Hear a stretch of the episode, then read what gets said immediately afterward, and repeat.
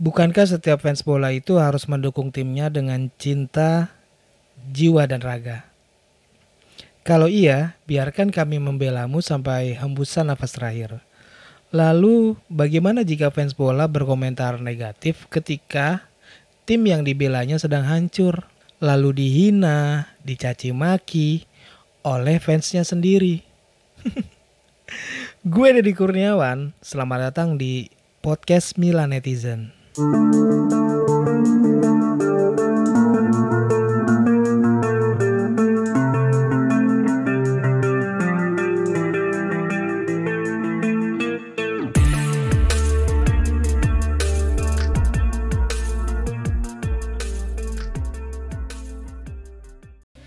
gue mau nanya nih buat lo yang apa sih hari Senin tuh bagi lo? Atau gimana menurut lo kalau hari Senin diganti aja sama hari Minggu lagi? Jadi gue nggak tahu nih eh pola pikir lo yang saat ini mendengarkan di podcast Milan Netizen di setiap hari Senin ini bagi lu tuh hari Senin tuh menyenangkan atau menyebalkan gitu karena kebanyakan orang-orang yang menikmati libur di hari Minggu aduh gue pengennya masih rebahan nih gue pengennya masih main game aja nih atau ya gue menikmati kekalahan bola kemarin nih hari Minggu di jam 9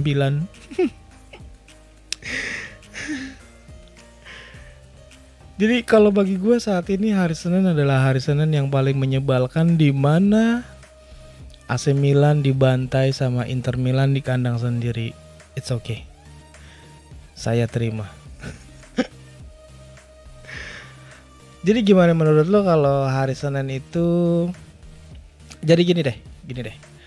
Biasanya tuh kalau lo hari Senin itu eh, hari minggunya kan hari Sabtu atau Minggu weekend dong, lu jalan-jalan dong atau lu eh, ya menghabiskan waktu lo itu dibuang ke mana gitu. Nah, tibalah saatnya di hari Senin gitu. Biasanya lu tuh gue gerabak gerubuk atau oh ya gue udah prepare nih di hari Jumat atau di hari Sabtu untuk nanti dibuat di hari Senin gitu buat ngerjain kerjaan lo yang tertunda di hari Sabtu atau Jumat karena hari Minggunya libur. Eh, mungkin malah justru menyenangkan buat lo yang sehari-harinya yang membosankan.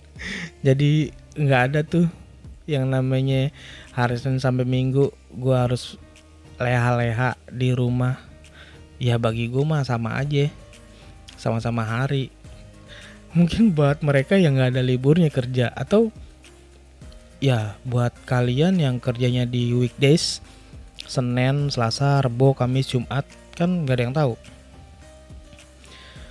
Ya kalau bagi gue sih Senin kali ini tuh nyebelin. Ya belum lagi nyebelin gimana mau nyebelin kan? Sebelumnya juga kan udah banyak banget nih fenomena. Bukan fenomena ya. Ini kayak kebanjiran gitu loh. Ini kebanjiran benar-benar kebanjiran di mana Jakarta tuh kebanjiran di mana-mana gue jadi bingung. Kok makin makin kacau atau lebih parah di tahu di awal tahun 2020 kemarin. Ya kan gue banyak banget tuh dengerin atau baca. Bahkan ya lihat aja di media sosial gitu. Di daerah Jakarta Timur, Selatan atau Pusat, Barat, hmm, parah gitu loh kebanjirannya.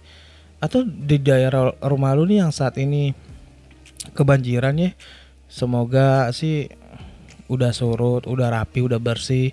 Jadi lagian juga di rumah gue nih daerah Jakarta Barat Kebonjeruk Jakarta Barat tepatnya itu juga mengalami kebanjiran yang aduh men men gue aja males gue beneran deh kalau misalkan dibarengin gitu banjir hari Minggu banjir ang, uh, hujan angin ya kan terus tambah geledek sinyalnya angot-angotan ya kan otomatis susah dong dapat streamingan bola. Ya akhirnya kebanjiran pula hari Seninnya. Soalnya gue pernah mengalami di tahun itu waktu 2020 yang banjirnya tuh sampai tiga hari dua malam gue pernah. Ya itu yang gue pernah gue rasain di daerah kebun jeruk. Ya kalau nggak kalau di daerah lu di daerah Jakarta Barat yang lain timur utara selatan pusat mungkin berapa harinya ya gue nggak tahu karena itu yang lebih yang gue alamin. Seingat gue padahal di tahun 2000 tunggu sebentar di tahun 2013 kayaknya 2013 itu juga parah kayak nah di, kalau di tahun 2020 gue punya kayak semacam momen. Gue punya videonya gue punya fotonya jadi gue punya jejak rekam untuk oh ternyata di tahun sekian atau di tahun 2020 eh, gue pernah mengalami kebanjiran sedahsyat ini. Cuh sedahsyat. Nggak sih. Bohong deng. Uh, gue nggak tahu juga. Kayaknya di, te di tempat lo lebih parah. Dan semoga aja cepat surut yang diperkirakan. Karena di daerah kebon jeruk daerah gue ini di Jakarta Barat kan ada sebelum tahun 2021 itu um, ada proyek yang bikin gorong-gorong itu loh apa ya bener sih gorong-gorong. Jadi ada proyekan gorong-gorong dari dek dari pemerintah Jakarta tuh untuk menyalurkan ke kali. Nah perbandingannya perbandingannya ada kelihatan nih. Jadi kalau banjir yang terakhir itu yang hari Jumat atau hari Sabtu ya itu cepet banget surutnya. Cepet banget surutnya. Nah biasanya tuh lama karena nggak ada nggak ada gorong-gorong yang selebar ini. Cuman bekas got doang yang warga-warga sini tuh ya bikin sendiri gitu. Tapi ini sih penglihatan gua aja dan yang gua rasain sekarang kalau gorong-gorong yang di, baru dibikin ini tuh cepet surut aja gitu ya gue juga nggak tahu karena emang kan kalau kebanjiran mulu gue gimana jualannya ya kan? Ini orang-orang yang kebanjiran bingung nih jualan nih. Udah kasihan juga kan udah prepare pagi-pagi misalkan pagi-pagi prepare buat jualan ntar siang misal jam 10 pagi. Dia dia kan harus prepare di pagi-pagi buta. Harus belanja ke pasar terus belum masaknya metikin ngupas metikin cabe ngupasin bawang merah bawang putih. Kayak gitulah. Jadi kayak nggak bisa diprediksi kalau emang banjirnya tuh lebih parah gitu loh. Mau gimana mau bisa diprediksi kan kita aja harus lihat-lihat media sosial yang wah nih di, di daerah sini tuh udah parah nih banjirnya. Nah di daerah barat di kebun jeruk terutama daerah gue tuh nggak separah ya buat kalian teman-teman atau kawan-kawan gue yang di daerah Jakarta Timur, Selatan, Pusat gitu. Kan pasti berdampak banget dong. Udah ngeluarin dana, nyisihin dana buat buat jualan, siap-siap jualan eh malah banjir sayang kan? Eh gue aja pernah ngalamin itu. Bukan nggak ah pokoknya sering dah sering kalau tiba-tiba habis juga pagi-pagi buta nih jam 4 subuh. Atau selesai podcast, podcast ini dah biasanya kan gue selesai jualan nih. Nah tapi kan gue minggu ini libur. Seninnya nanti di jam 4 atau jam 5 subuh itu gue harus belanja ke pasar siap-siapin bahan-bahan apa yang gue perluin buat jualan gitu loh. Ya kan gue juga butuh duit but butuh dana gitu untuk ya pergi jalan-jalan mungkin. Kan ya jalan-jalannya nggak usah jauh-jauh lah masih masih di daerah Jakarta juga karena ah paling ke mana sih? Ke Danau Sunter atau ke CNI Danau Sunter mah Jakarta Utara ya. Agak kejauhan jangan jauh-jauh. Ya paling CNI atau yang buka di sini deket Mall Citraland atau Taman Anggrek. Tapi kayaknya gue udah lama banget nggak nginjekin itu mall. Nggak pantas gue masuk mall kayaknya. Masuk pantasnya masuk pasar gue kayaknya. Tapi kan biar tahu gitu uh, apa sih perbandingan di pasar cara berpakaian gue gimana atau di mall cara berpakaian gue gimana? Jadi kalau ke pasar ya pakai celana rombeng-rombeng juga masih tetap aja dipakai. Kalau di mall kan beda biar agak rapihan gitu. Kayak kayak ya kayak biasa orang undang ulang tahun. Kok malah jadi ulang tahun kan? Biasanya kan uh, Band kayak gitu ya Hawk Band atau KFC atau McD gitu dia punya tempat atau lahan buat bikin uh, acara ulang tahun. Tapi gue nggak tahu juga nih uh, kalau lagi masa-masa pandemi kayak gini ada nggak ya yang kayak nyediain gitu acara ulang tahun? Kayaknya penting gak sih gitu? Ya kalau beberapa orang yang mampu lah pasti penting. Tapi buat gue mah ya biasa aja ya orang tahun bertambah ini malah diulang-ulang terus kan nggak lucu. Makanya tuh kadang ulang tahun kan bisa nyenengin anak siapa tahu lu punya anak saat ini atau lu nyenengin pacar atau ya saudara lu keluarga lu gitu. Yang biasanya kan kalau ulang tahun itu uh, persiapannya tuh di hari Sab uh, bukan acaranya di hari Sabtu atau Minggu lah weekday. Eh weekday weekend. Nah biar hari Seninnya nanti tuh udah persiapan lu bakalan ngerjain tugas lu yang bakalan yang yang tertunda maksud gue yang tertunda.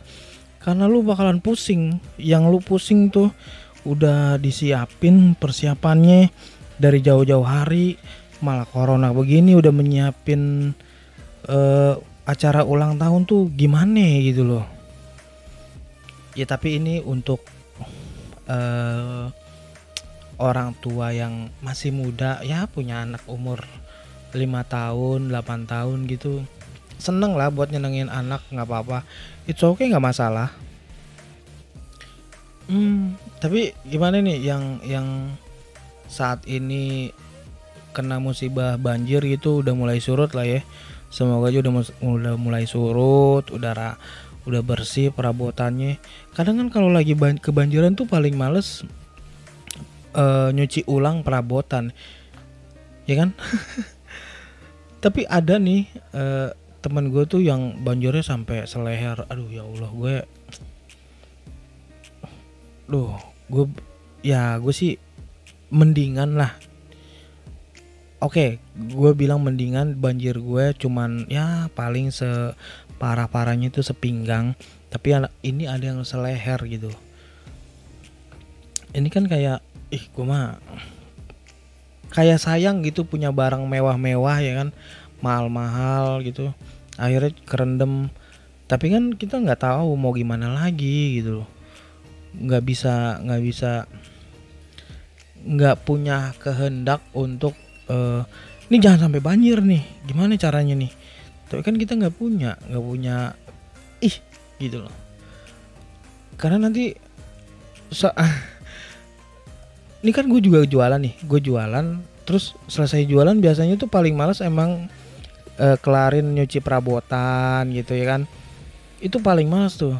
Nah ini nggak nggak jualan tapi nyuci perabotan kan uh, yang perintilan-perintilannya aja tuh kita nggak tahu kadang kita udah simpen awet-awet ini misalkan punya ya piring atau sendok deh gitu oh bahkan tong sampah aja tuh penting loh untuk satu rumah punya tong sampah Nah kita lagi nggak nge, tong sampahnya malah nganyut gitu. Begitu pas udah surut, bingung kan?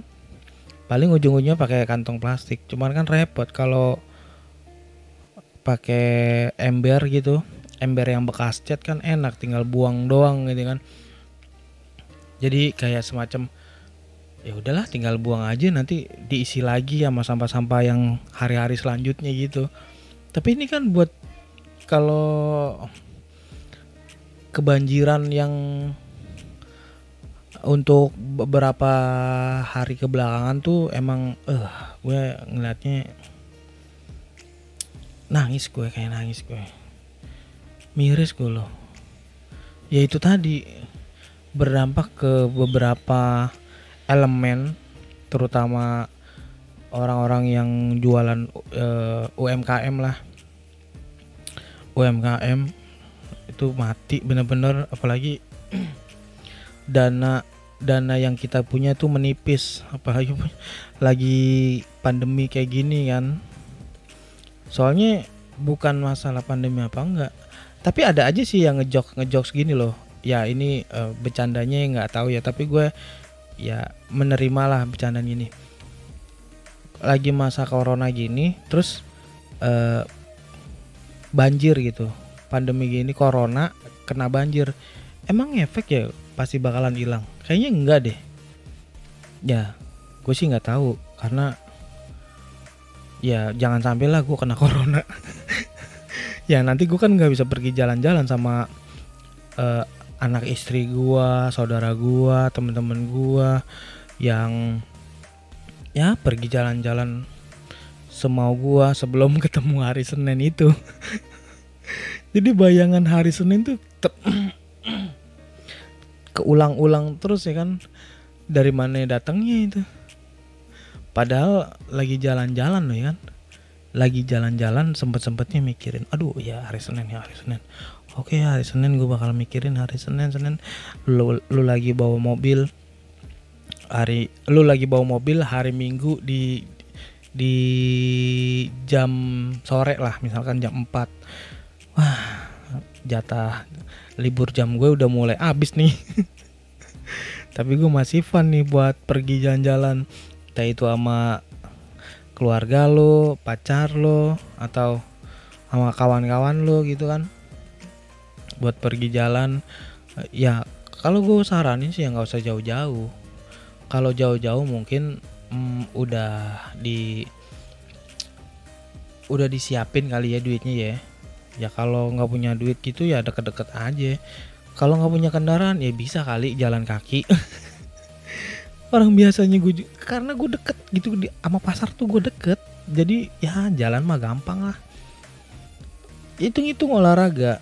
Karena emang bulan-bulan ini tuh ih kacau juga sih. Ini uh, selera makan gue tuh kayak meningkat. Jadi bukan yang gue takutin tuh hari Senin bukan. Atau kebanjiran bukan atau jualan gue lagi uh, menurun. Penghasilannya itu bukan. Ini kayak uh, porsi makan gue itu over. Gue ngerasain ketika ya pas duduk pas duduk itu ya kan kita posisi berdiri nih. Posisi berdiri kita baca bismillah pas bangun Allahu Akbar. gue nggak mau kayak gitu, gue nggak mau kayak gitu. Ya lu bayangin, nih lu lagi posisi berdiri nih, lu mau duduk di lantai nih, di ubin, ya lu baca Bismillah gitu, ah, Bismillahirrahmanirrahim. Nah, begitu lu mau bangun nih, Allahu Akbar bangun, kan males banget ya. Tuh kayak ya Allah gue maunya gue maunya tuh sehat-sehat aja dah. Jangan over gitu ngerasa berat badan tuh kayak nyiksa gitu loh nyiksa bener.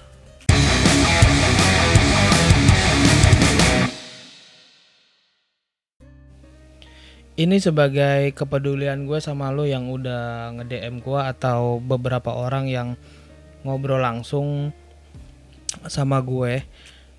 Coba banyak-banyakin dong uh, ngomongin soal bola gitu walaupun nggak ngerti nggak apa-apa bang gitu oke okay, oke okay, oke okay, oke tapi gue juga yang gue bilang di awal-awal eh bukan di awal-awal episode kemarin juga gue itu bukan komentator yang profesional atau membaca analitik uh, se pertandingan sepak bola karena gue hanya sebagai menikmati. Jadi ini di hari Sabtu kemarin itu ada pertandingan banyak banget yang ada Liverpool lawan eh bukan Liverpool dong. Kok Liverpool sih? Salah. Ini ada Liga Italia. Liga Italia di hari Sabtu tanggal 20 Februari itu Fiorentina lawan Spezia 3-0 ini bangke juga ya Spezia. Lu bisa ngalahin Milan tapi lu kalah sama Fiorentina 3-0 lagi. Ya Allah ya Allah. Ini kan udah ih ampun dah gue. Bisa lo menang lawan Milan tapi lo kalah sama Fiorentina. Heran gua. Nggak usah gitulah tuh kak makanya tim-tim tim-tim mengagetkan atau tim-tim promosi menga mengagetkan buat Milan atau mengagetkan tim promosi nih? Ya lawan Spezia ya bisa kalah dong 2-0 heran gue Terus ada Cagliari lawan Torino dengan skor 0-1. Ada lagi Lazio versus Sampdoria 1-0. Oh, Bayar Munchen kalah nih juga Bayar Munchen. Aneh gitu kayak kalau Bayar Munchen kalah ya. Gila. Liga Inggris juga banyak.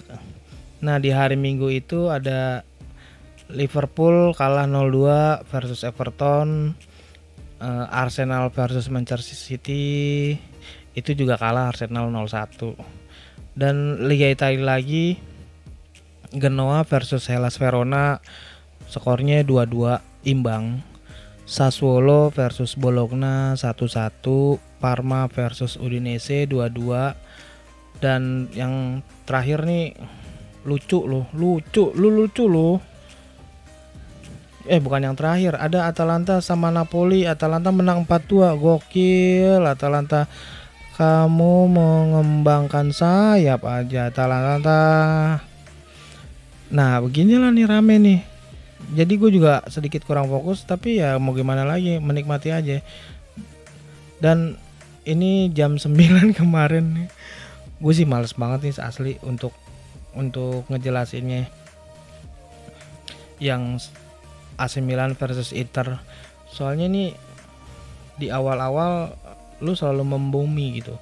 Buk eh membu apaan sih? Kok membumi? Emang mau ngapain dia?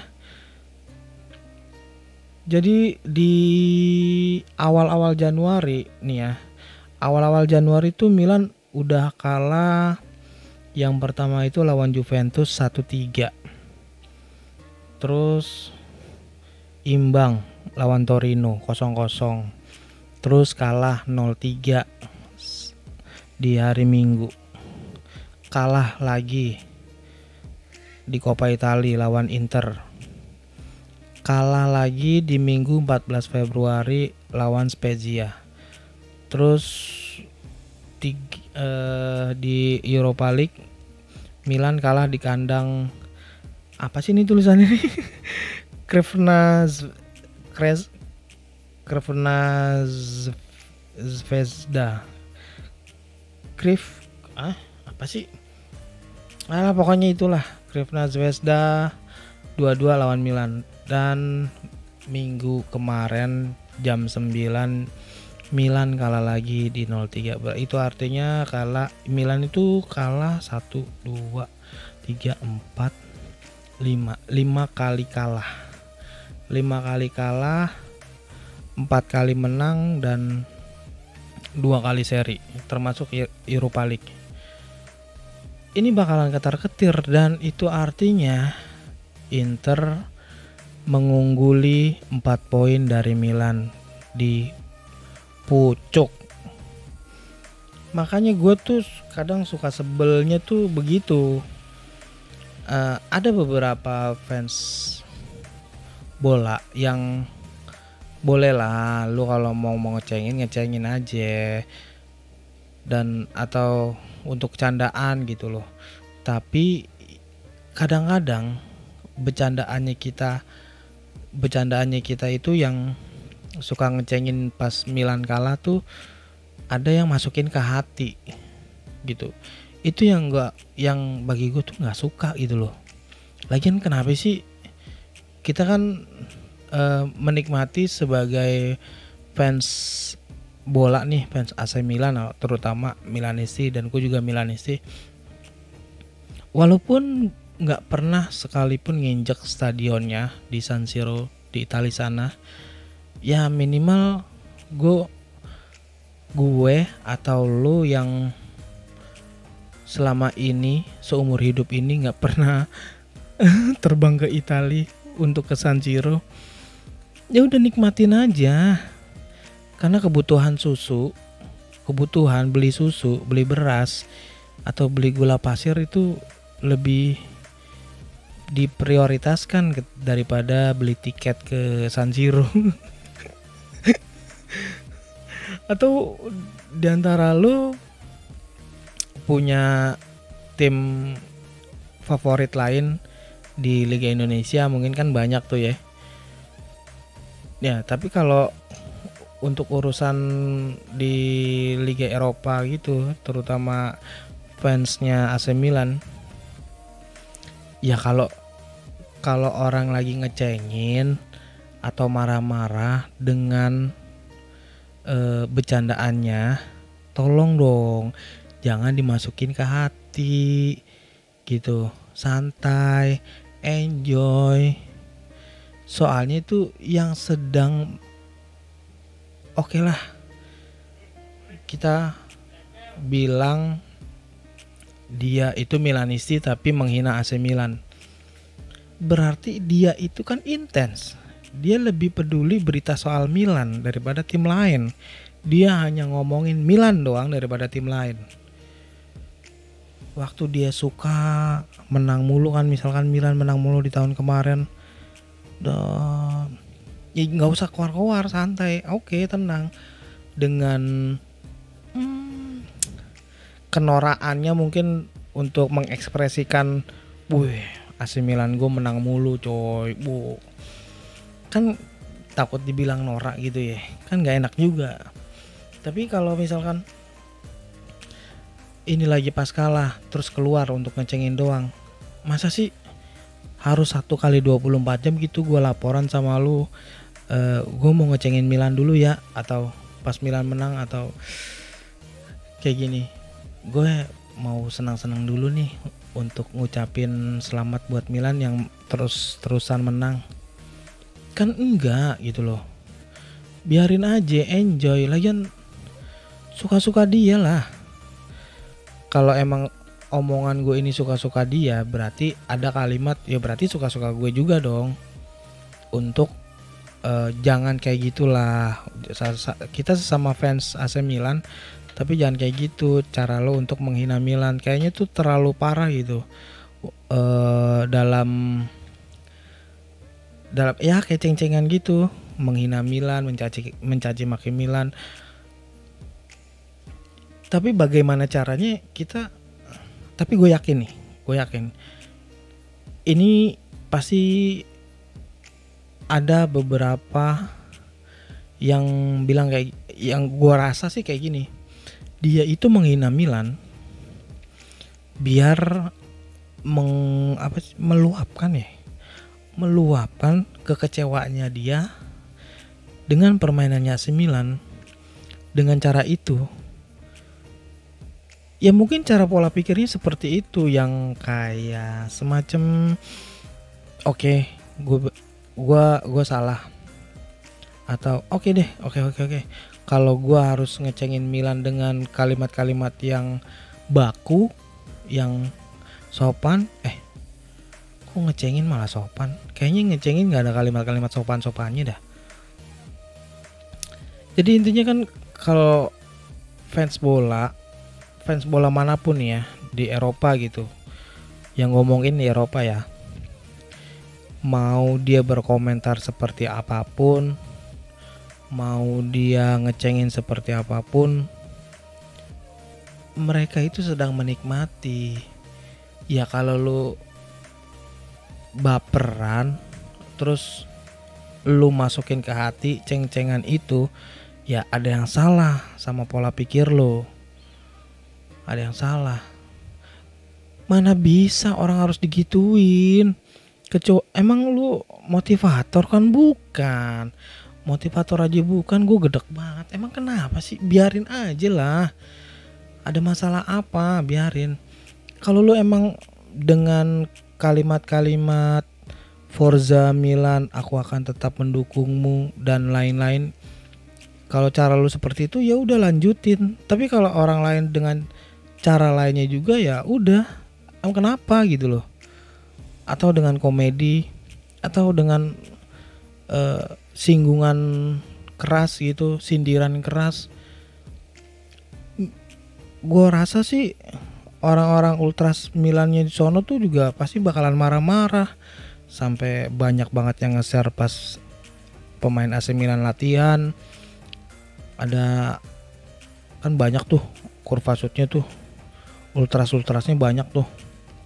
Banyak yang nge-share kayak gituan. Biarin momen-momen ini tuh menikmati orang-orang yang udahlah. Masa sih dari lu tuh nggak ada yang tahu? Orang yang ketawanya terbahak-bahak itu menyembunyikan masalah. Mungkin mungkin aja mungkin aja nih dia nyembunyiin masalah keluarga. Tapi dia ketawa di pertandingan tersebut. Yang pas Milan kalah diketawain. Lagian gue kadang suka sebel aja. Tapi lucu sih ini gue heran lah. Emang kalau kita loyal loyal nih loyalitas untuk sebuah tim gitu kita pak kita beli kalau beli jersey itu termasuk royalitas ya. Emang loyalitas itu harus dipertanyakan nih satu kali 24 jam. Kita itu fans loh bukan karyawan. Emangnya gue digaji? Emangnya sebagai fans itu ada uh, jenjang karir gitu?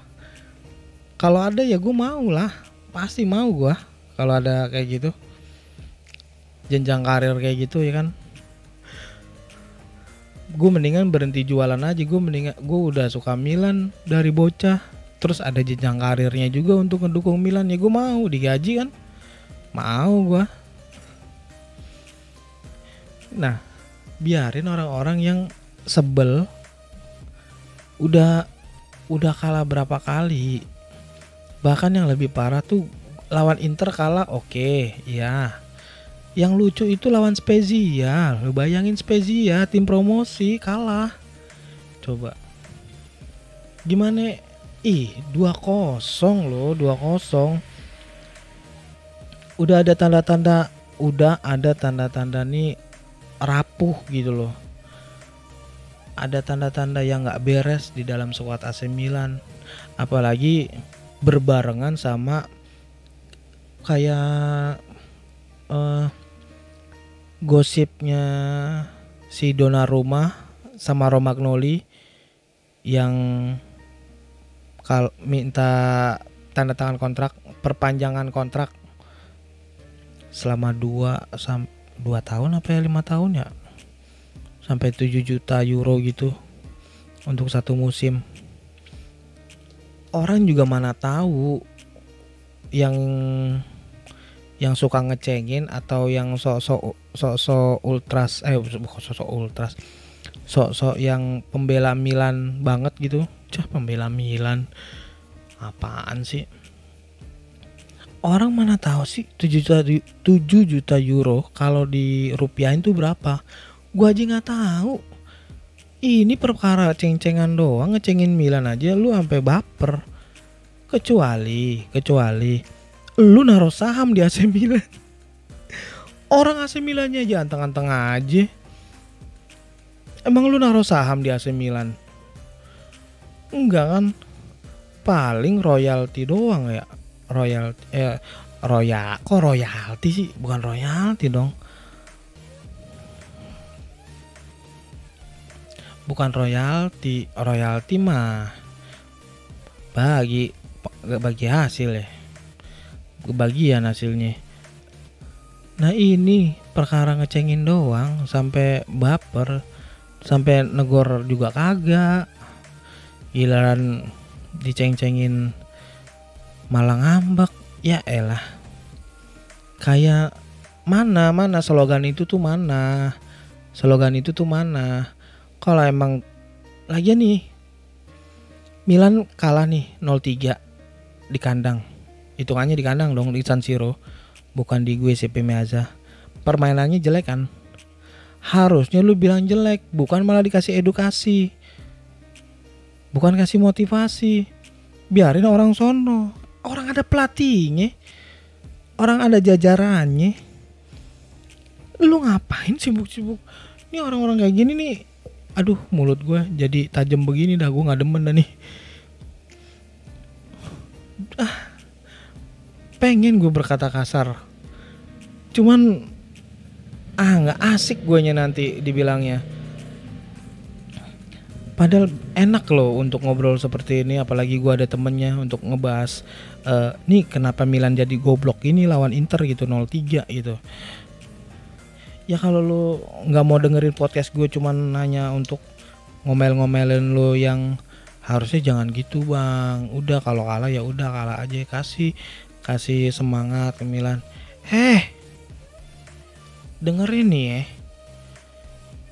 Kasih semangat. Emangnya Milan darah rendah udah gila kali lu nggak pakai ada orangnya yang sono ngatur udah urusin urusin urusin urusan kita masing-masing.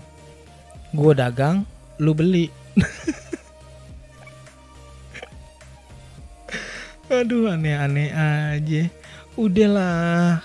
Gue tahu mungkin mungkin faktor usia faktor umur membuat uh, wawasan atau rasa untuk mengedukasi, uh, mengasihi, ya mungkin karakternya seperti itu.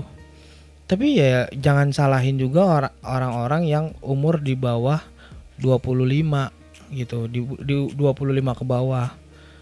Gue yakin mereka juga ya kayaknya sih ada sih umur 30-an untuk ngeceng-cengan gitu tapi kan biarin lah dia menikmati proses lihat nih Milan awalnya bangkit lama-lama kok merosot.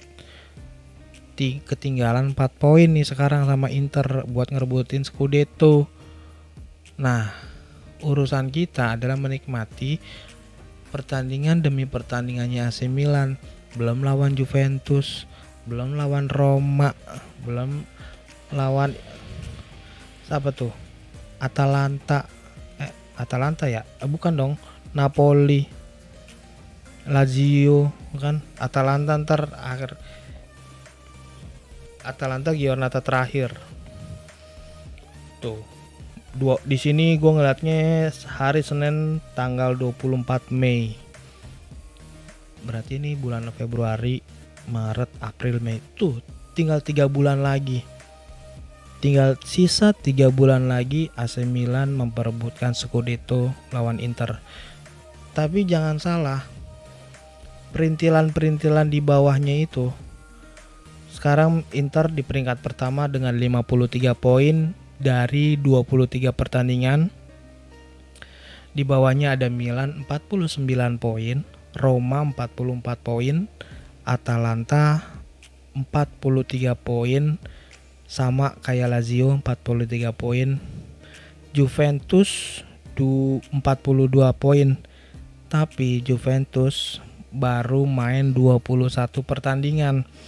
Itu artinya dia punya tabungan dua pertandingan. Kalau menang semua jadi 48 48 itu artinya Juventus sekarang ada di posisi 3 di bawah AC Milan. Nah, selama tiga bulan ini, kalau goyang terus kayak gini, ya benar berarti. Doa lo di antara lo itu Milan isi Ya, target musim depan main di Liga Champions. Itu aja.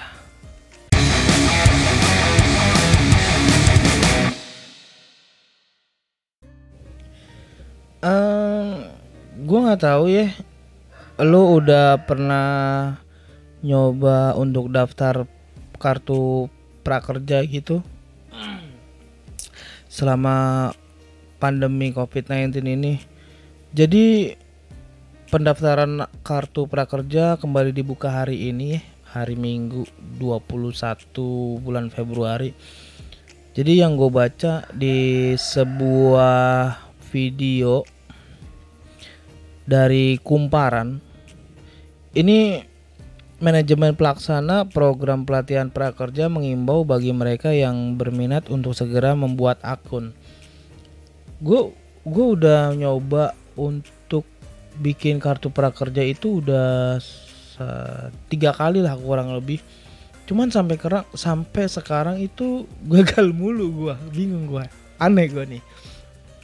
Mungkin gue bego kali ya nggak bego atau nggak ngerti? Ah mungkin bego kali gue ya udah tiga kali terus nggak ada bukan nggak ada nggak ada nggak ada notif email gitu. Jadi ini ada lanjutannya. Uh, sebab situs program pelatihan kartu prakerja sudah kembali dibuka per hari ini minggu oh, kemarin berarti ya minggu 21 Sementara mengenai pembukaan gelombang 12 Head of Communication PMO Kartu Prakerja, Luisa Tuhatu sebut baru akan diumumkan kemudian. Nah, jadi ah, kasih tahu gue lah kalau lu yang udah pernah merasakan dapat uh, dana dana apa ya bilangnya? gue juga bingung nih. Soalnya kartu prakerja kan eh, bentukannya kita kayak waktu awal-awal gue itu daftar eh, daftar nyoba-nyoba suruh kayak semacam eh, esai apa pilihan ganda gitu. Jadi sebuah email atau website dari website itu gue ngisi data udah sampai tiga kali gue beneran gelombang pertama kedua ketiga. Mungkin gue orang yang termasuk gampang nyerah jadi ah udahlah hidup seadanya aja lah hidup dengan sisa-sisa uang yang ada di kantong dan di selip selipan celana atau kaos di lemari gitu. Dan ada berita lagi nih dari dari Makassar. Ini sih uh, bukan dari Makassar.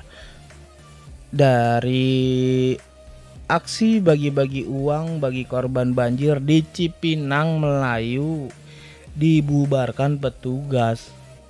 Aduh, gua yang butuh ini orang-orang mau pada butuh duit, ini malah dibubarkan gitu ya. Tapi di sini gua ngeliat videonya dia itu pakai baju APD eh, lengkap lah ya lengkap dengan dengan masker gitu. Jadi aksi bagi-bagi uang untuk warga RW 04 Cipinang Melayu Makassar, Jakarta Timur eh, hari Sabtu kemarin tanggal 20 bulan Februari 2021 itu dibubarkan petugas. Itu dilakukan untuk mengant mengantisipasi penyebaran COVID-19. Jadi gue heran aja ya. Uh, gua, kan warga sono kan kebanjiran nih. Terus kebanjiran otomatis dia ngungsi kan ya ngungsi di di uh, orang-orang yang nggak kena banjir gitu. Uh, terus itu kan mereka ngumpul ya.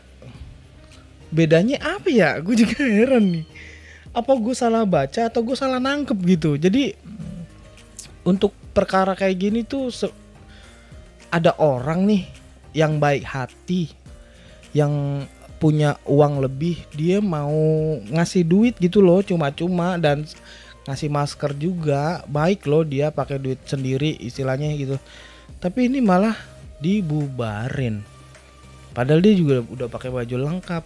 Niat niatnya sih bagus kali ya niatnya bagus. Mungkin karena emang e, menimbulkan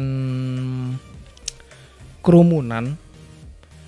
Jadi ya gitu dah padahal gue hari minggu kemarin pas gue main ke tempat teman gue tuh banyak loh yang nongkrong-nongkrong nggak pakai masker. Eh. Jadi ada tambahannya nih. Awalnya aksi bagi-bagi uang oleh oleh Has Neni Muin atau disapa wanita emas di posko pengungsian di Universitas Borobudur berjalan lancar. Hasna ini menghampiri satu persatu warga di tempatnya. Oh, ini adalah wanita yang sangat mulia, baik hati, menolong sesama. Tuh tapi tuh di emang bener ya susah ya jadi orang baik ya jadi orang baik itu susah jadi orang jahat itu juga susah deh kayaknya gue rasa jadi apa gue harus oh bukan gue bukan gue apa orang-orang di sono itu harus pakai masker terus satu-satu nyamperin uh, dia ibu Hasna ini? Ini oh atau mungkin atau mungkin untuk atau mungkin kayak gini nih. Bu, ibu Hasna ini ini punya uh, buka buka posko atau meja lah gitu.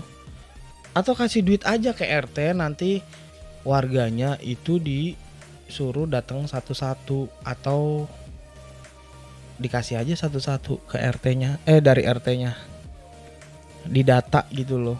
Tapi itu kan makan waktu ya. Ini dia tuh maunya langsung gitu loh. Dia itu konsepnya langsung duitnya di depan mata sama maskernya juga depan mata gitu. Nggak via transfer. Nggak. COD kali ini.